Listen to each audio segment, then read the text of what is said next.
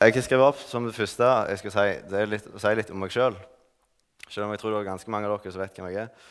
Så jobber jeg altså her i Misjonshallen som ungdomsarbeider. Eh, det har jeg gjort siden september. Ja, jeg heter forresten Helge. det er dere sikkert for med dere. Men ja, jeg har altså jobbet her siden september, og det må jeg bare si at det har vært utrolig fantastisk.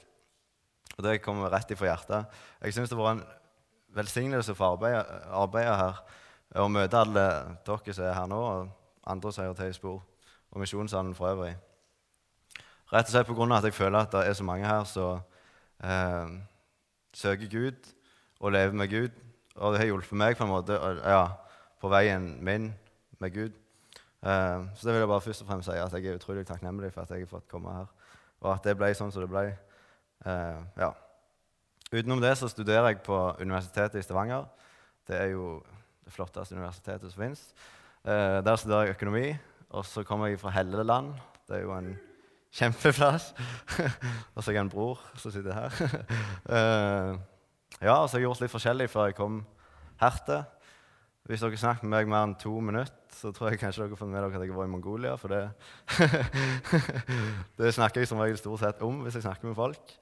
Ja, og så har jeg hatt en veldig stor drøm om å bli sauegjeter på heltid. helt siden jeg var liten. Det har jeg egentlig lyst til ennå.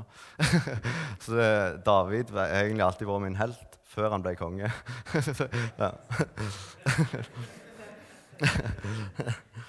um, men jeg tenkte, tenkte, litt, jeg skal begynne med det. Eh, hvem er vi, og hvem er jeg? Hvordan definerer vi oss sjøl? Eh, hvis jeg treffer en av dere på byen en dag ja, en butikk eller samme hva. Jeg hilser på dere, jeg har ikke truffet dere før, og så eh, begynner vi å snakke sammen. og liksom, ja, 'Hvem er du? Hva driver du på med?' Um, så sier vi jo mange sånne typiske ting sånn som jeg sa nå. Uh, og nå i høst så på universitetet så har vi hatt filosofi, og det er jo et spennende fag. Uh, og der snakket vi mye om Der var det mye fokus på det. Hvem er jeg? Er jeg bare en illusjon? Eller er jeg faktisk Eller ja, jeg drømmer jeg bare at jeg fins? Jeg sitter og lurer litt på hvorfor folk har brukt tid på å lære noe sånt. Men faktisk er det litt interessant. Og Hvis dere vil vite mer om det, så har jeg forresten to pensumbøker liggende. så det er bare å låne. Men eh, det jeg egentlig vil fram til med dette, her, er at jeg lurer litt på hvordan vi som er kristne, definerer oss. når vi treffer andre folk, så lurer jeg på eh, hva er det vi sier at, hvem er det vi sier at vi er. Eh, hvem er Helge, på en måte, som er, i møte med andre folk? Eh, Hans Christian Skaar Jeg vet ikke om dere vet hvem det er, men han jobber i eh, NLM Ung. og Han talte på UL for to år siden. Han talte sikkert i fjor òg. Han taler ganske mye. Men eh, han sa, fortalte om noe som hadde skjedd han en gang han var i Indonesia. Uh, så var han på et kjøpesenter og så skulle kjøpe noen CD-er. Så sto han inne i en butikk der og så på noen billige CD-er. Typisk sånn billig skjerpe, på en måte. Så gikk han og så liksom, Jeg tror det var U2 han stoppet opp for uh, noen CD-er. Og Så plutselig kommer det ei dame bort til han som aldri hadde sett før, og ikke sett etterpå heller. Uh, så kommer hun bort, og så sier hun Hi, my name is Emmy, and I belong to Jesus. Og så han bare Ja vel? Og så tenkte han, Skulle han nå presentere seg sjøl, så måtte han tenke over liksom, hva er det jeg driver på med. Akkurat da var han i 20-årene, sånn 4-25 år, og jobbet i Posten og studerte teologi. Og, han hørte, og så tenkte han på det, hvis, hvis han skulle svare det liksom, Når hun nettopp har sagt 'Hi, my name is Emmy, and I belong to Jesus', og så sier han 'Hei, jeg heter Hans Christian Skaar, jeg er 24 år, kommer fra Sarpsborg, jobber i Posten og studerer teologi', så hørtes det litt tomt ut i forhold. Um, My name is Emmy, and I belong to Jesus. Det var det eneste hun trengte å si. Um, da vil jeg be. Kjære Gud, jeg ber om at du må uh, komme til oss nå, at du må gjøre ordet levende for oss. Uh, vær med meg nå når jeg skal lese uh, den teksten som står for i dag. Jeg ber om at du må Eh, la det bli noe som kan eh, bli til liv for oss, på samme måte som det ble til liv for de som hørte det når du sa det. Så du sa. Jeg ber om at du må jobbe i vårt liv og hjelpe oss til å se eh, hva det virkelig er å være kristen, og hvor, ja, hvor utrolig stort det er, det vi har i dag, eh, og kun i deg. Vær med og velsigne resten av kvelden i ditt navn. Amen. Eh, dere har kanskje fått med dere at vi har som tema at 'han skal vokse, og jeg skal avta'. Og Det syns jeg er et fantastisk tema. For det er veldig grunnleggende for oss som kristne. Eh, og vi har hørt utrolig mange gode taler. Jeg kunne egentlig stått og bare sagt at jeg syns dere burde gå inn og høre alle om igjen istedenfor å høre på meg. For det er utrolig, det er utrolig mye bra som er blitt sagt. Eh, og jeg kommer nok til å gjenta litt av det som er blitt sagt, for det, ja, det er bare blitt sånn. Men eh, så lurte jeg på hva skal jeg tale om i dag. Eh, det er mye som er blitt som jeg har gått og tenkt på etter, spesielt etter lovsangshelgen vi hadde her. Da var det snakk om at Følg meg, så vil jeg gjøre dere til menneskefiskere. Og det er blitt liksom ja, noe som har jobbet mye med meg. Men så tenkte jeg at jeg ville la Gud eh, på en måte få bare ta helt overhånd. på en måte. Altså, sånn at jeg ikke begynte å tale om noe som jeg bare tenkte på. Kanskje han ville jeg skulle si noe helt annet. Så jeg tenkte jeg skulle gjøre det på en helt tradisjonell måte, sånn som far gjør som er prest. Så jeg gikk og tok, eh, så på søndagens altså tekstrekke som står bak i Bibelen. Og så så jeg på hvilken tekst som sto oppført for i dag. Eh, så tenkte jeg kanskje den kunne slå an, kanskje det kunne være noe som jeg kunne tale om. Og så slo det jo an som bare det. Jeg, ble, jeg tok jo helt av når jeg fant det ut.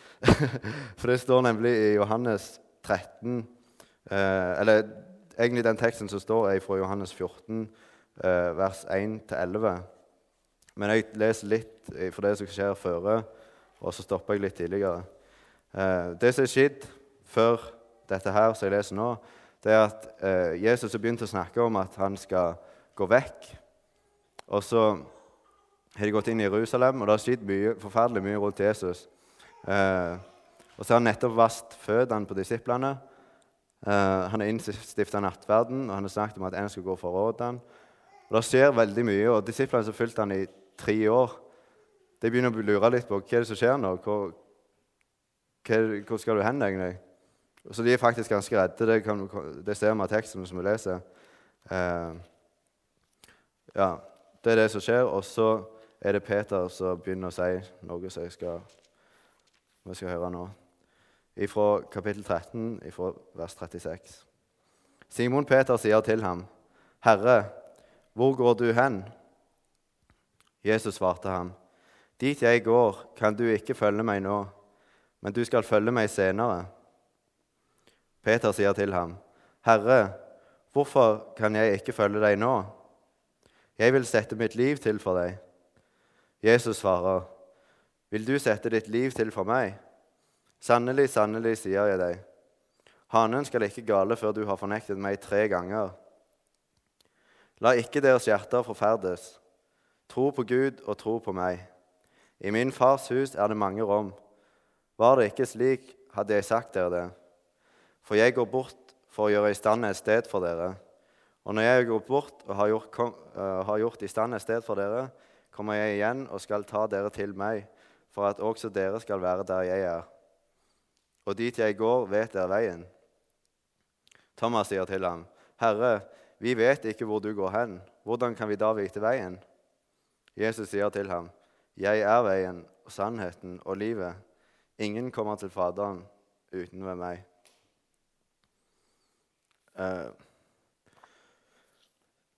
det vi ser her, at Peter spør eller har lyst til å følge Jesus der han skal gå. For det er jo sikkert, det var jeg, tenkte, jeg tror det var ganske lurt tenkt hvis Jesus skulle gå vekk og han følte det ble skummelt, så var det mye lettere å bare følge etter Jesus, for da hadde han jo liksom kontroll på hvor Jesus var. Eh, og Thomas spør eh, vi vet ikke hvor du skal gå hen. Hvor skal vi da vite veien? Og så Jesus sier, la ikke deres hjerter forferdes. Altså må de ha vært litt redde og litt forvirra. Men så Peter, jeg syns egentlig Peter er ganske tøff. For han tør alltid si det eller Det virker som at han tør å gjøre det som de andre ikke tør å gjøre. Eller han står liksom framfor resten av disippelflokken. Og så spør han, eh, sånn som han spurte, hvorfor kan ikke jeg følge deg nå? Eh, jeg kunne faktisk tenkt meg å dø for deg. Og så kan vi tenke at Jesus kunne jo egentlig sagt flott, jeg trenger folk som er villige til å gi opp livet sitt for meg. Jeg har lyst til å dø for meg. Men Jesus svarte helt annerledes. Han svarte bare med å si at du kommer til å fornekte meg. Jeg synes det hørtes på en måte, Hvis det hadde vært vanlige mennesker, så hadde det hørtes ganske frekt ut. Liksom, han, for det høres ut som Peter virkelig mener det. 'Jeg har ikke lyst til å dø for deg.' Men så sier Jesus, 'Han skal ikke gale før du fornekter meg tre ganger.' Eh, og så sier han senere, 'Jeg er livet'. Peter hadde lyst til å gi opp livet, og så sier Jesus at 'jeg er livet'. Eh, hvorfor sier Jesus det? Eh, jeg har lyst til å fortelle en annen ting som står i Johannes evangelium. Det er om Lasarus. Dere har sikkert hørt om Lasarus alle sammen. Men iallfall Lasarus og Martha og Maria var eh, noen søsken som Jesus brukte mye tid sammen med. De bodde i en by som heter Betania. Eh, og nå hadde altså Lasarus blitt syk. Så sendte Martha og Maria bud, eller de sendte noen til å gå og spørre om Jesus og si at han måtte komme fordi at eh, kompisen din blir syke. syk. Og så sier Jesus ja, det er greit.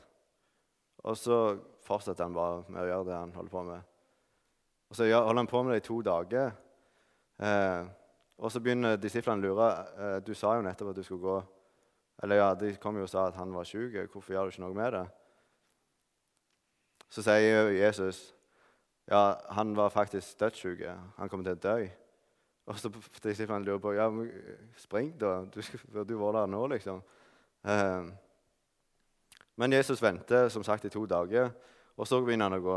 Og når han nærmer seg den byen der Lasers er, så kommer Martha imot han, og så sier hun eh, Jesus, eh, hvis du hadde kommet litt tidligere, så hadde ikke Lasarus vært død. Men nå har han faktisk ligget i fire dager. Og Martha var sikkert skuffa over Jesus, for hun, hun, visste på en måte at han brydde seg om både Martha, Maria og Lasarus. Eh, men så sier, eh, så sier Jesus eh, til Martha Ja, ja, men broren din skal stå opp igjen. Så sier Martha ja, jeg vet han skal stå opp igjen på, den, på oppstandelsens dag. Altså Hun trodde på det via livet, liksom, at ja, han kommer jo til å komme til himmelen. Eh, og så sier Jesus det så eh, ja, er så bra sagt. Jeg er oppstandelsen og livet. Den som tror på meg, skal leve om han enn dør. Og hver den som lever og tror på meg, skal aldri i evighet dø. Martha trodde at eh, Lasarus skulle stå opp i evigheten på oppstandelsens dag. Og så sier Jesus, 'Jeg er oppstandelsen'. Han sa ikke bare at han bare var livet, liksom, men han er òg oppstandelsen. Han var alt for Lasarus. Eh, og på den måten så fikk Jesus sagt noe viktig om hva livet som kristne er. Eh, han er alt. Og allikevel så gjorde han faktisk Lasarus levende igjen på jorda her òg. Så han sto opp en gang her på jorda, og så sto han opp i, oppstandelsen òg. Han viste på den måten at han er faktisk herre til å vekke opp folk her på jorda.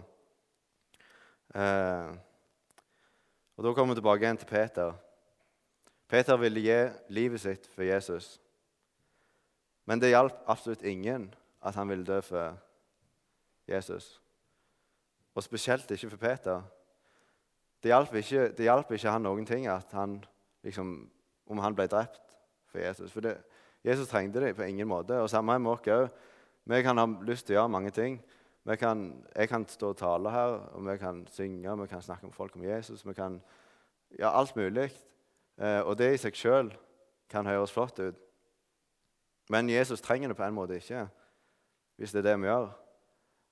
Eh, men på en annen måte så er det akkurat det Jesus trenger, det som Peter ville, gi livet sitt. For Han trenger at vi gir livet, men på en helt annen måte. Han trenger ikke at vi dør, men han trenger at vi dør på en måte i oss sjøl, sånn at han kan bli livet vårt. Og når Jesus blir livet vårt, så blir det et liv som går utover det om vi dør eller om vi er levende.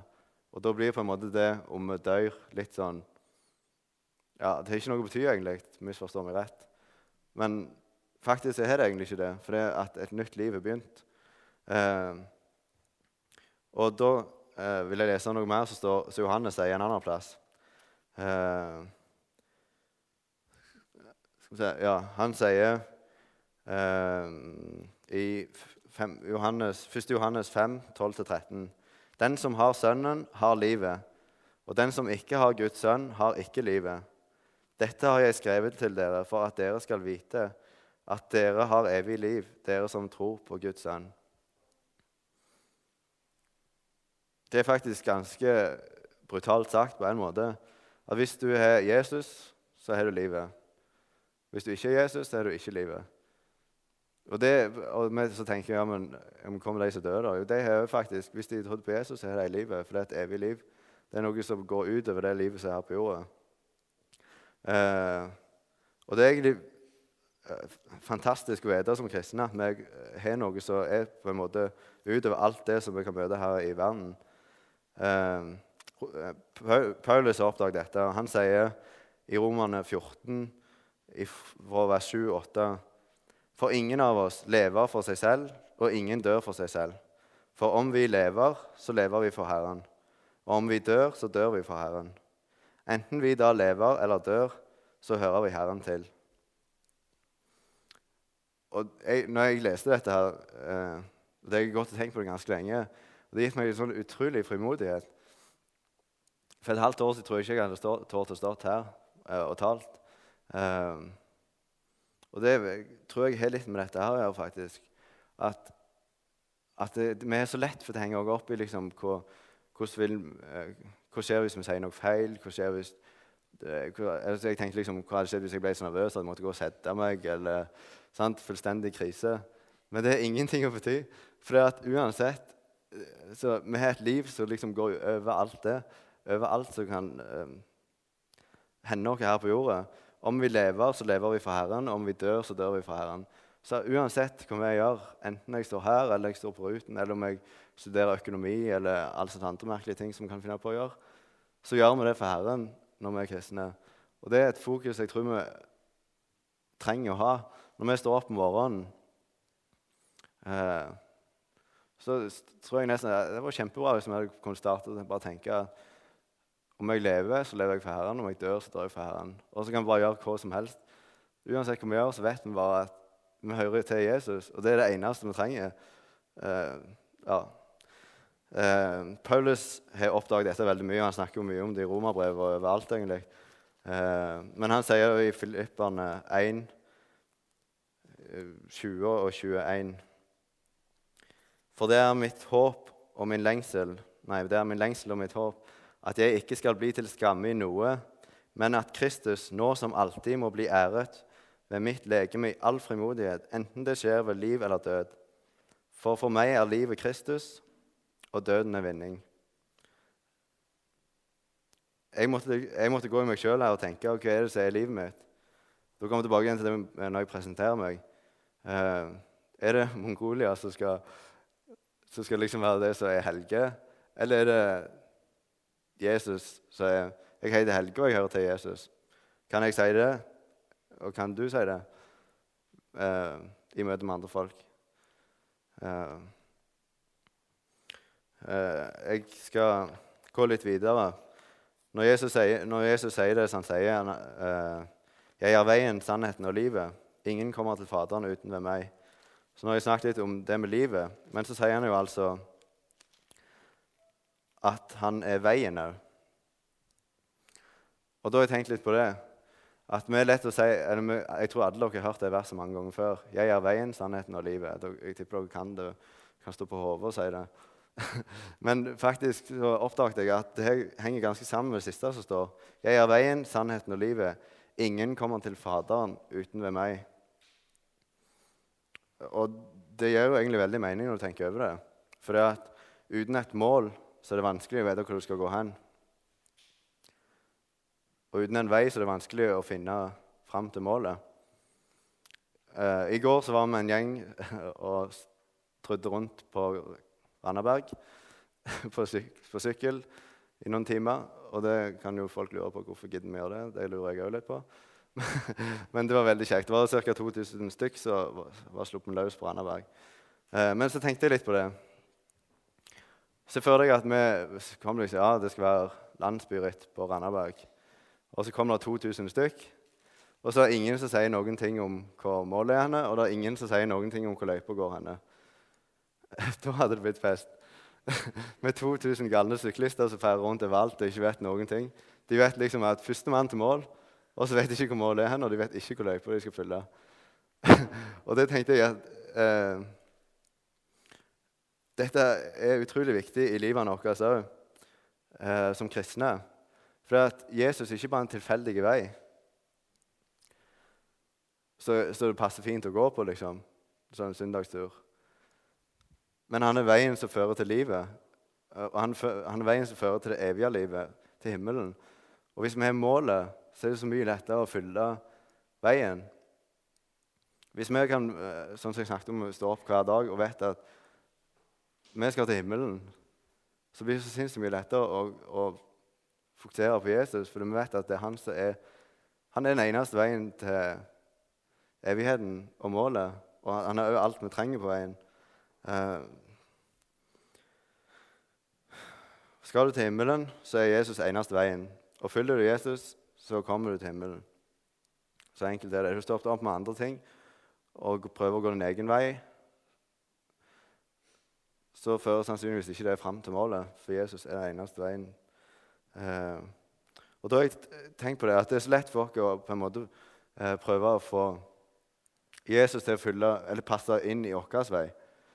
Eh, sånn at han blir på en måte det lille ekstra i livet, det som gjør det bra. liksom, at Kristendommen blir eller du har et bra liv, og så er du jobb og kjæreste, kone, unger, samme hva. Du kan ha alt mulig. Og så føler du kanskje har manglet litt. OK, jeg, jeg, blir kristen, på en måte. Og så blir det sånn bonus, på en måte. Sånn kjekke ting som du har med deg, som du kan gjøre det, og det, det, er veldig forståelig at vi kan gjøre sånn. For eksempel, sånn som her i Spor, eh, så tror jeg òg det er en, faktisk en god plass til å gjøre det. Ikke at jeg tror at det er mange som gjør det her, men, men fordi det er utrolig kjekt å være i Spor. Det, det syns jeg av hele mitt hjerte. Og det tror jeg òg at, at, på en måte Derfor er det så lett at det kan bli en sånn ting som vi bare gjør. Uh, men det er ikke, det er ikke, det, det er ikke vår vei vi skal dra Jesus med oss på. Vi skal faktisk følge han. Og uansett om, om du må få være i sporet og ha det kjekt, så er det helt konge. Men det må på en måte være noe av det som vi får i tillegg. Uh, jeg vil fortelle en annen ting uh, som skjedde med Jesus. eh, det skjedde jo utrolig mye rundt Jesus. Det tror jeg dere har fått med dere. Eh, men han sier svarer på så mange merkelige måter som vi egentlig ikke skal tro. Er det sånn som med Peter, Når Peter sier at han vil gi livet sitt, så sier Jesus du kommer til å fornekte meg. Og Sånn møter han mange folk. Eh, og så I Markus 10, fra vers 17, der står det om en eh, rik unge mann. Som dere helt sikkert har hørt om. Men han kom til Jesus. Eh, og han kom til Jesus, faktisk. Og Grunnen til han kom til Jesus, var for han eh, ville ha evig liv. Han spurte hvordan kan jeg få evig liv. Og Da hadde jo han på en måte målet i orden, eller sånn han visste hva som skulle være målet. Så sier Jesus eh, Jesus bare begynner med å si budene. Og Det var jo et merkelig svar. Men så sier den uh, unge mannen, som var rik uh, jeg har holdt deg helt siden jeg var liten. Og Det tror jeg han mente, for han trodde jo at Jesus visste alt. Ellers hadde han ikke kommet og spurt han om veien til det evige livet. Og så står det at det står faktisk at Jesus fikk han kjær. Og Det tror jeg faktisk er det samme som at jeg ville sagt på min dialekt at han fikk vondt av han.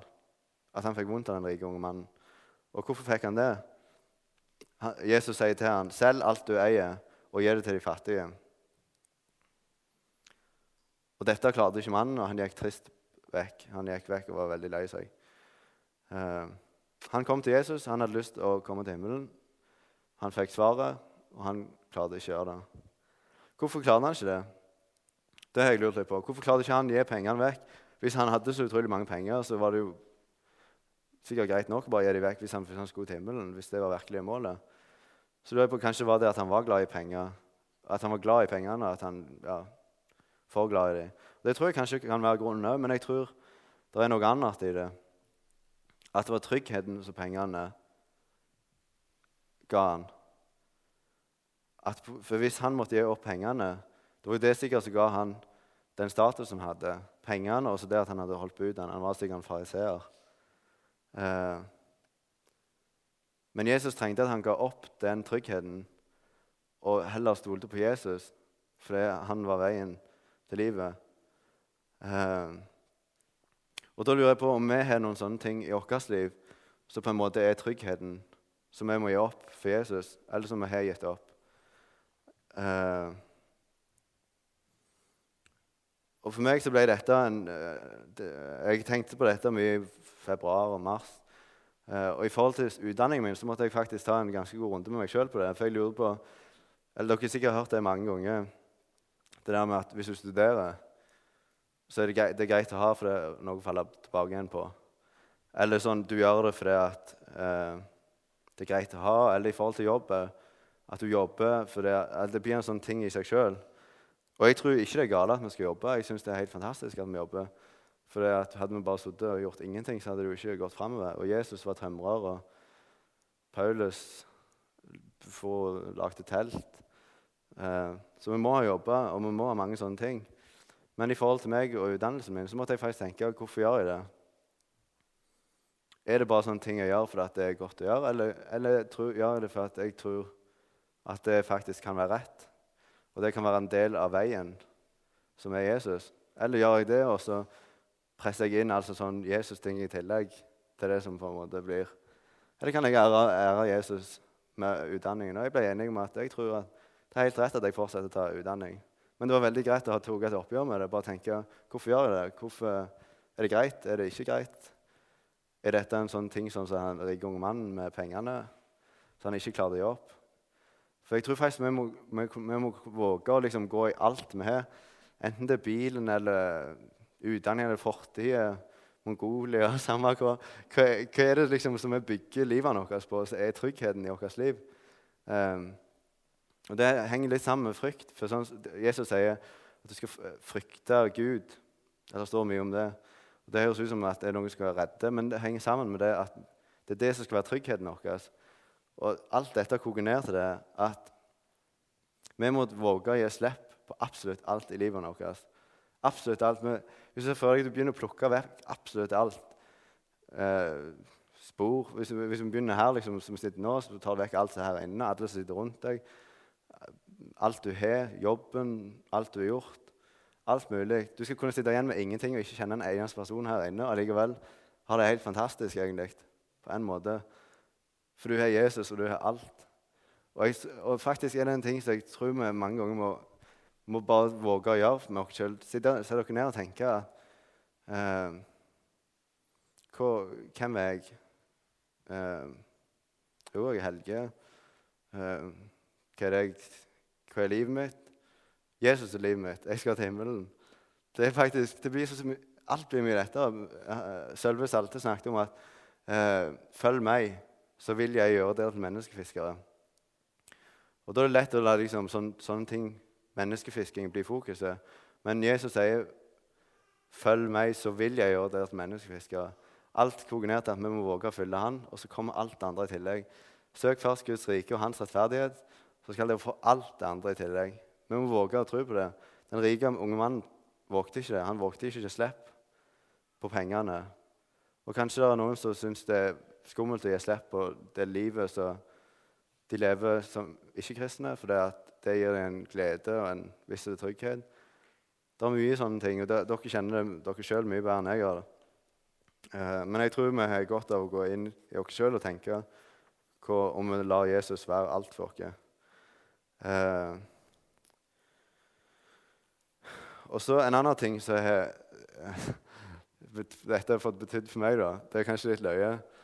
Men jeg, jeg, må sette en en begrensning på hvor mange ganger jeg kan gå inn på VG i løpet av dagen på Internett. For jeg er jo student, og da er det jo bare å innrømme at når jeg sitter og jobber med f.eks. finans eller organisasjonslærer, så er ikke det alltid like spennende. Ikke alltid like lett å, bare, å gjøre det jeg skal gjøre. Og Da blir det lett å bare gå inn på Internett og så begynne å søke på alt mulig. Og så er det lett å tenke liksom at ja, sånne helt galne ting på internett som kan bruke tid på, f.eks. pornografi eller sånne ting, at det er veldig gale. Og så har jeg tenkt det går helt fint, for det gjør jeg jo ikke. Men så sitter jeg der og så tenker jeg, så sjekker jeg VG og Dagbladet sånn annethvert minutt. og, så, og hva er det som kommer der? Eh, opp av ting. Eh, svenske konger Jeg vet ikke hva det heter, men de her eh, prinsessene som skiller seg og gifter seg, og alt mulig. Og vulkan som bryter ut, og alt mulig sånne ting. Og han der golfspilleren ja. Så, Jeg kommer ikke på hva han heter i farten. Men iallfall alt sånne ting som på en måte fòrer oss. Og jeg tror, ikke, jeg tror, ikke, det er gale å lese på VG, i VG, VG på VG, ja. eh, en gang av og til. Og jeg gjør det. Det er greit å følge med hva som skjer. Men jeg tror vi må være obs på at eh, sånne aviser og sånne ting, så er det faktisk De prøver å fòre oss med eh, en frykt. For, sånn som f.eks. vulkanen, så blåser de opp vanvittig. Sånn, og, og, tenk, det er faktisk en kjempestor vulkan i USA som kan bryte ut. Og da blir det krise. Og så er det en, enda en til stor på Island som kan bryte ut. Og da blir det iallfall krise. Og, og kanskje vi aldri kan flyge mer. og Det er liksom fullstendig krise. og det er jo på en måte litt løye vi kan le av det.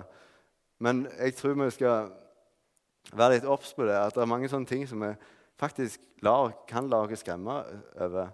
Men vi trenger ikke gjøre det. Vi kan faktisk møte sånne ting og bare tenke at det er fullstendig sekundært. Det kommer helt på andre, i andre rekke. For vi har tryggheten i oss sjøl, i Jesus.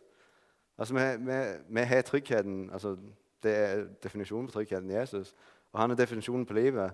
Og Samme om det kommer en vulkan og sprøyter litt aske, eller samme hva. Så det, det, er ingenting å bety, og det er så fantastisk. og så vil jeg bare slutte med en ting som Christian Landro snakket om når han var her i januar. Og Det var en ting som jeg har hørt før, men eh, det var utrolig å høre det igjen. For det var snakk om å fange apekatter. Eh, og det, det, er så bra.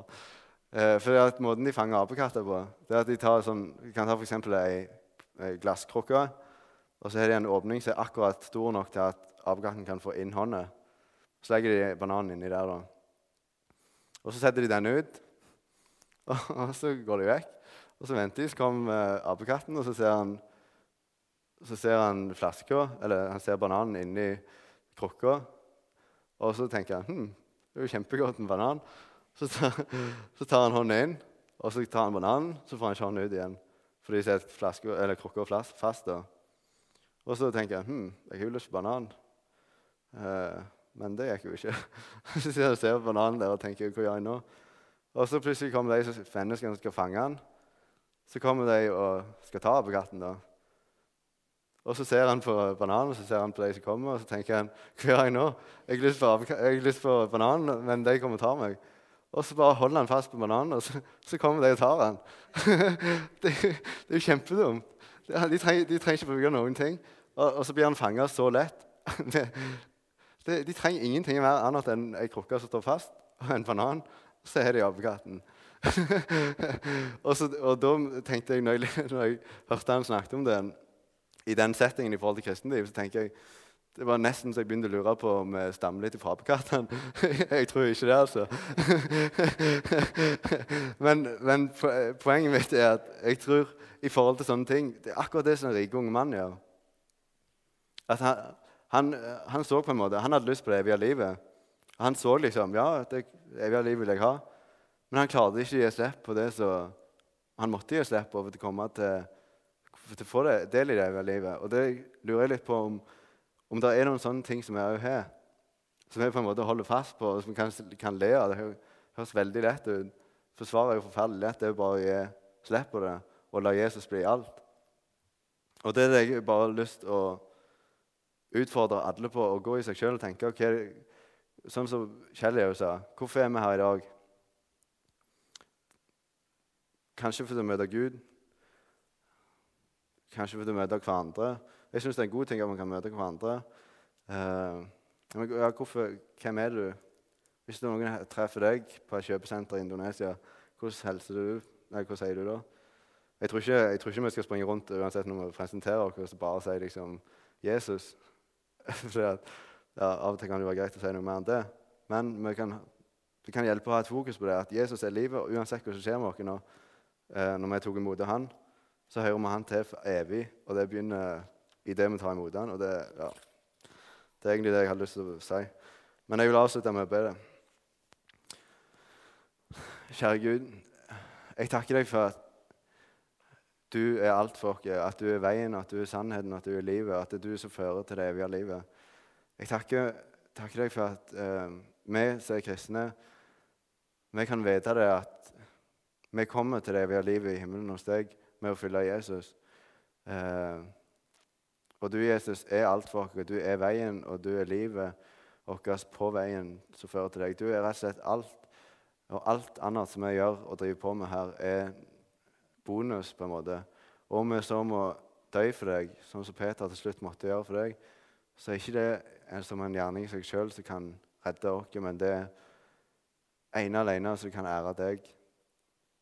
Eh, om, om kanskje at det kan føre flere til deg. Jeg ber om at du må hjelpe oss som er her i spor, til å få peke på deg og være piler oppover mot himmelen og sånn peke på målet og samtidig også peke på veien til målet. Den eneste veien. Eh, la det bli stort for oss igjen og igjen. Eh, og hjelp oss til å ta det med oss i hverdagen. Hjelp oss til å ikke være så dumme som apekattene at vi holder fast på det som egentlig burde være forferdelig lett å gi slipp på. Og løsningen er forferdelig enkel.